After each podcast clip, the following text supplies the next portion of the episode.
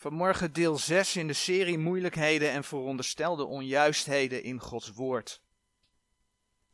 Vaak zien we dat tegenstrijdigheden, dan moet ik zeggen schijnbare tegenstrijdigheden, in Gods Woord gebruikt worden om erop te wijzen dat je niet alles in Gods Woord zeker zou kunnen weten.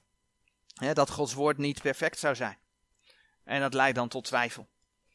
Nou heb ik begrepen dat, uh, en, en, en daar gaat deze serie over, om te laten zien dat schijnbare tegenstrijdigheden, dat het schijnbare tegenstrijdigheden zijn, omdat Gods woord zichzelf niet tegenspreekt.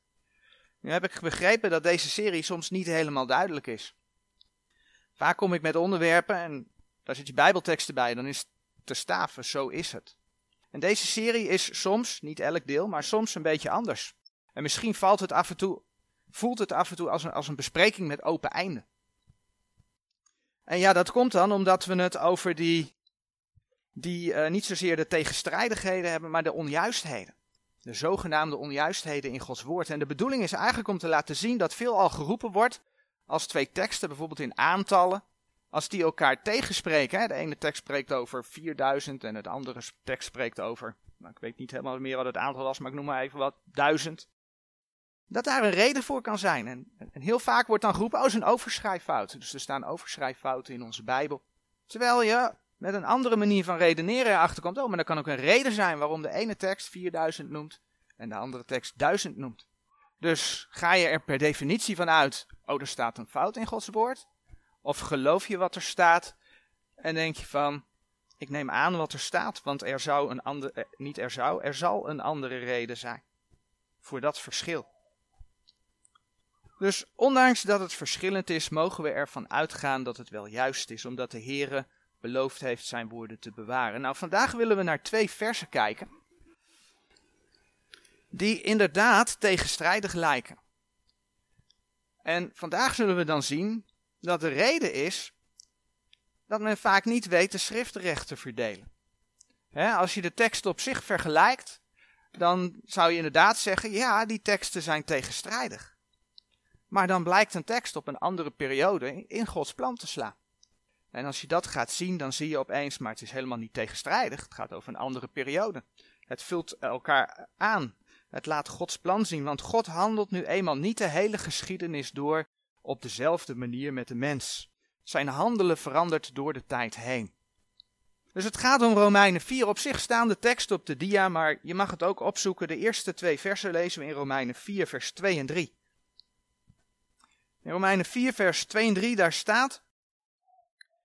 Want indien Abraham uit de werken gerechtvaardigd is, zo heeft hij roem, maar niet bij God. Want wat zegt de schrift? En Abraham geloofde God en het is hem gerekend tot rechtvaardigheid.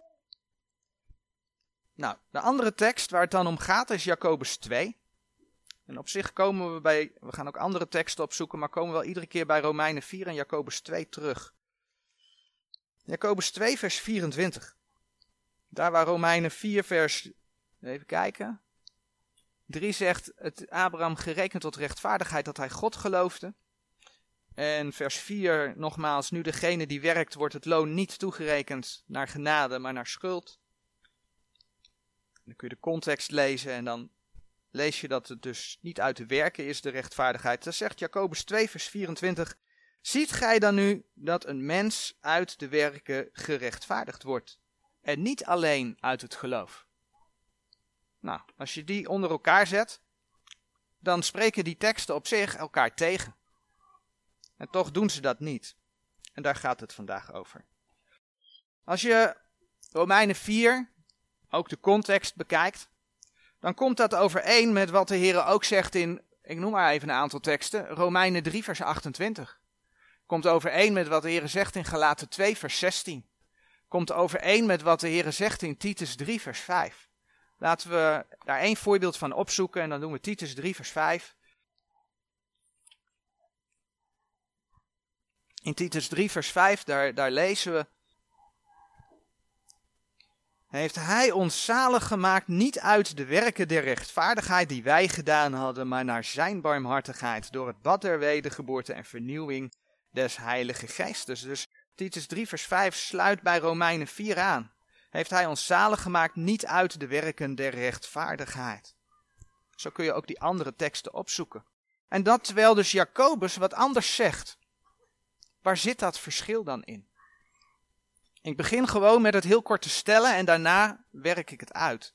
De versen in Romeinen, net als de versen in Galaten, de versen in Titus, die zijn gericht aan de gemeente. Terwijl Jacobus 2 vers 24 gericht is aan de mensen in de grote verdrukking en wel te verstaan de Joden in de grote verdrukking. In de grote verdrukking komt er een periode en Matthäus schrijft daarover, Matthäus 24 vers 13 en 14. Als we daar heel kort naartoe bladeren, dan kun je dat zien. Matthäus 24. Matthäus 24 beschrijft de tekenen van de tweede komst van de Heer Jezus. Wat gebeurt er voordat de Heer Jezus terugkomt? En dat leidt tot de grote verdrukking vanaf vers 15. Maar er zit een aanloop naartoe. En die grote verdrukking die beschreven wordt in vers 15, dat is de helft van de 70ste jaarweek. En kort daarvoor, daar lees je, maar wie volharden zal tot het einde, die zal zalig worden.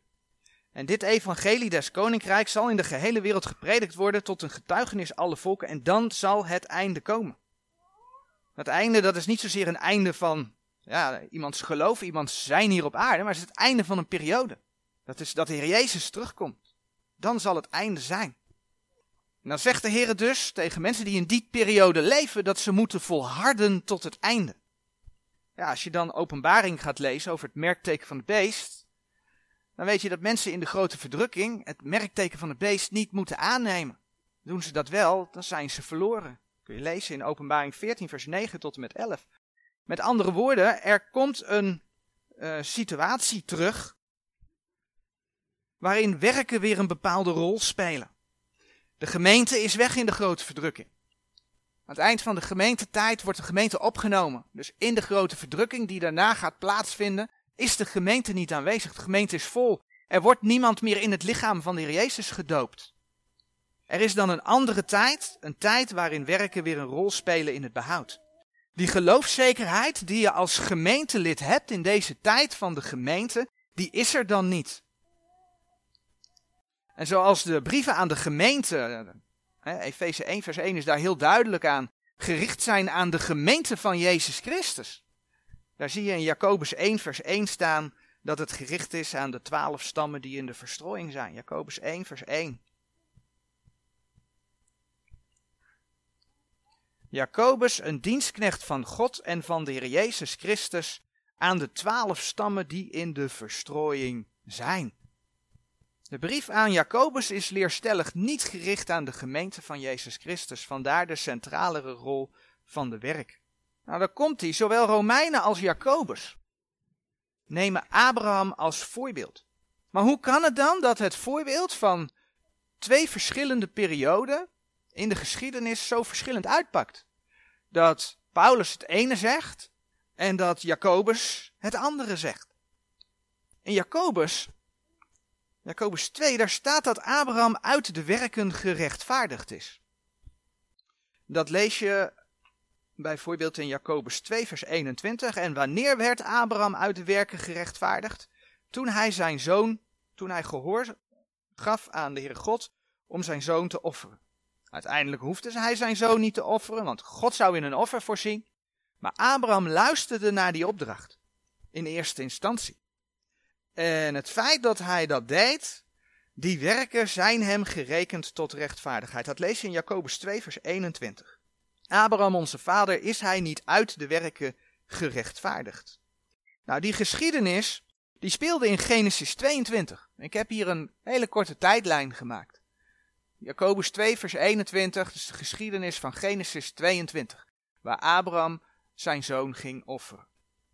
Nou, dat was, zijn mensen die dat op een tijdlijn hebben uitgezet, het was in 1872 voor Christus. Maar wanneer we in Jacobus 2, vers 23 het volgende lezen. En de schrift is vervuld geworden die daar zegt, en Abraham geloofde God. En het is hem tot rechtvaardigheid gerekend en hij is een vriend Gods genaamd geweest. Wanneer de schrift dat zegt, dan gaat het niet over deze geschiedenis. Maar dan gaat het over Genesis 15, vers 6. En daar werd Abraham rechtvaardigheid toegerekend uit het geloof. Genesis 15, vers 6. In Genesis 15, vers 6, daar lezen we: En hij geloofde in de Here en hij rekende het hem tot gerechtigheid. Nou, dit gaat dus ook over Abraham. En dan zie je dus dat enerzijds Genesis 15, Abraham is uit het geloof gerechtvaardigd. Vervolgens zie je in Genesis 22, Abraham is uit de werken gerechtvaardigd. En daar zit een periode van ongeveer 40 jaar tussen. Dus Abraham is zowel uit het geloof als uit de werken gerechtvaardigd. En Jacobus die neemt die complete situatie als voorbeeld. Voor degene die hij de brief schreef en leerstellig van toepassing op de Joden in de grote verdrukking. Maar daar komt hij, in de brieven aan de gemeente lezen we niets over een toegerekende rechtvaardigheid. Ja, daar lezen we wel over. Maar niet over een toegerekende rechtvaardigheid en dat we later nog eens rechtvaardig moeten worden uit ons werken. Dat lezen we niet in de brieven aan de gemeente. In de brieven aan de gemeente leren we, onder andere 2 Korinthe 5 vers 21, eh, dat als we tot geloof komen in de Heer Jezus, dat we niet onze eigen rechtvaardigheid krijgen, maar dat we Gods rechtvaardigheid toegerekend krijgen. Op het moment dat we tot geloof komen. In Galaten 2 vers 16, en, en dat vers zoeken we op. Daar lezen we daar ook over. In een brief aan de gemeente lezen we, Galaten 2, vers 16. Doch wetende dat de mens niet gerechtvaardigd wordt uit de werken der wet. Daar heb je het. Dat is aan de gemeente geschreven. Maar door het geloof van Jezus Christus, zo hebben wij ook in Christus Jezus geloofd. Opdat wij zouden gerechtvaardigd worden uit het geloof van Christus. En niet uit de werken der wet. Daarom dat uit de werken der wet geen vlees zal gerechtvaardigd worden. En hier zien we het. Het geloof in Jezus Christus, in Jezus Christus, zorgt ervoor dat je als gemeentelid gerechtvaardigd bent. En uiteindelijk is het het geloof van Christus dat dat voor je mogelijk heeft gemaakt. Daar is niets van jezelf bij. En daar is voor de gemeente het behoud aan gekoppeld. Als we in Romeinen 5 kijken.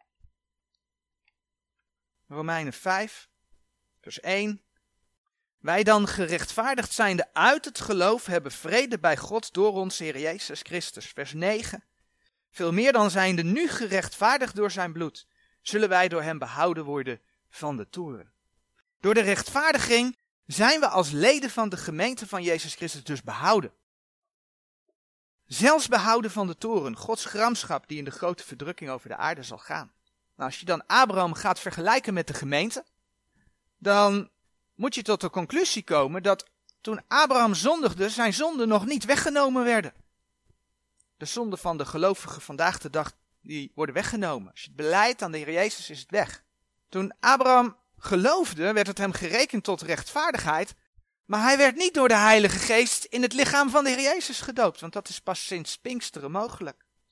De gelovige vandaag de dag wordt dus bij tot geloof komen door de Heilige Geest in het lichaam van de Heer Jezus gedoopt. Abraham was geen zoon van God. De gelovige vandaag de dag is wel een zoon van God. Abrahams ziel ging niet naar de hemel toen hij stierf, maar hij ging naar het paradijs in de aarde. Die van de gelovige, de ziel van de gelovige als die sterft, gaat naar de Heer in de hemel. Daarom kunnen niet alle details uit Abrahams leven op de gemeente toegepast worden. Dat kan niet. En dat is de reden dat Paulus alleen dit gedeelte uit de geschiedenis van Abraham als voorbeeld neemt voor de gemeente. Hij past toe wat voor de gemeente is. De toegerekende rechtvaardigheid. Die haalt hij aan als voorbeeld, als type om toe te passen op de gemeente. Nou, dan staat er van Abraham, bijvoorbeeld in Jacobus 2, vers 22 geschreven, dat zijn geloof volmaakt moest worden. Volmaakt moest worden door de werken. Maar dan komt hij, je geloof tot behoud hoeft niet volmaakt te worden. Voor de gemeente, hè, vandaag de dag. Er is wel wat anders, en dan bladeren we naar 2 Timotheus. Er is wel wat anders dat volmaakt moet worden, en dat ben je zelf. Niet je geloof, maar jezelf. Alleen daar hangt je behoud niet vanaf. 2 Timotheus uh, 3, vers 16 en 17. Al de schrift is van God ingegeven en is nuttig tot lering, tot wederlegging, tot verbetering, tot onderwijzing die in de rechtvaardigheid is, opdat de mens Gods volmaakt zij, tot alle goed werk volmaaktelijk toegerust. Als gelovige laat je je leren door de schrift. Niet om behouden te worden, want dat ben je in Christus. Maar wel om hier op aarde vervolgens goede werken te doen. Efeze 2, vers 8 en 9 spreekt dat je behouden wordt. De juiste volgorde gebruiken. Efeze 2, vers 8 en 9. Want uit genade zijt gij zalig geworden door het geloof, en dat niet uit u, het is Gods gave, niet uit de werken, opdat niemand roemen. Maar dan gaat vers 10 wel verder. Want wij zijn zijn maaksel, geschapen in Christus Jezus. Als je dus wederom geboren bent en je kent, dan ben je in Christus Jezus eh, geschapen tot goede werken. Het is wel de bedoeling dat je er iets mee gaat doen. Niet voor je rechtvaardiging, maar wel om hem na te volgen. Als je dat verder gaat uitwerken voor loon en kroon in de eeuwigheid. En dan heb je dus de juiste volgorde voor de gemeente te pakken. En daar hebben we dus het verschil tussen Romeinen 4, vers 2 en 3 aan de ene kant en Jacobus 2, vers 24 aan de andere kant verklaart. Door de schrift recht te snijden.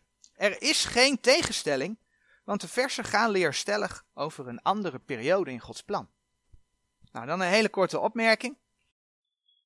Nog, want de vraag kan dan gesteld worden: kun je als gemeentelid dan helemaal niets van Jacobus leren? Want dat zie je dan nog wel eens gebeuren. Dat men zegt: oké, het is leerstellig niet van ons op toepassing, dus we baseren ons alleen op de brieven van Paulus. Nee, dat is niet de bedoeling. Want je kunt er wel degelijk iets van leren. Je kunt er een geestelijke les uit leren. Jacobus 2, vers 26 zegt bijvoorbeeld. Jacobus 2, vers 26. Want gelijk het lichaam zonder geest dood is, alzo is ook het geloof zonder de werken dood. Voor de gemeente kan dit niet betekenen dat je verloren gaat. De Heer is duidelijk. Efeze 2, vers 8 en 9. Andere versen in de brieven. 1 Korinthe 3, vers 13 tot en met 15. Maar als je geen werken hebt, dan is je geloof geestelijk gezien wel dood. In de eeuwigheid, als je geen werken hebt, als je verkeerde werken hebt, verbranden ze. Maar als je ze helemaal niet hebt, beloont de Heer je niet.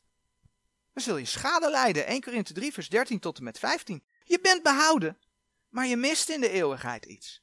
En daarom zegt de Heer tegen wederom geboren gelovigen, tegen mensen die behouden zijn, onder andere wat we lezen in Efeze 5, vers 14 tot en met 17. En dat zijn dan voor dit eerste uur de laatste versen die we opzoeken. Efeze 5, vers 14 tot en met 17. Een brief aan de gemeente.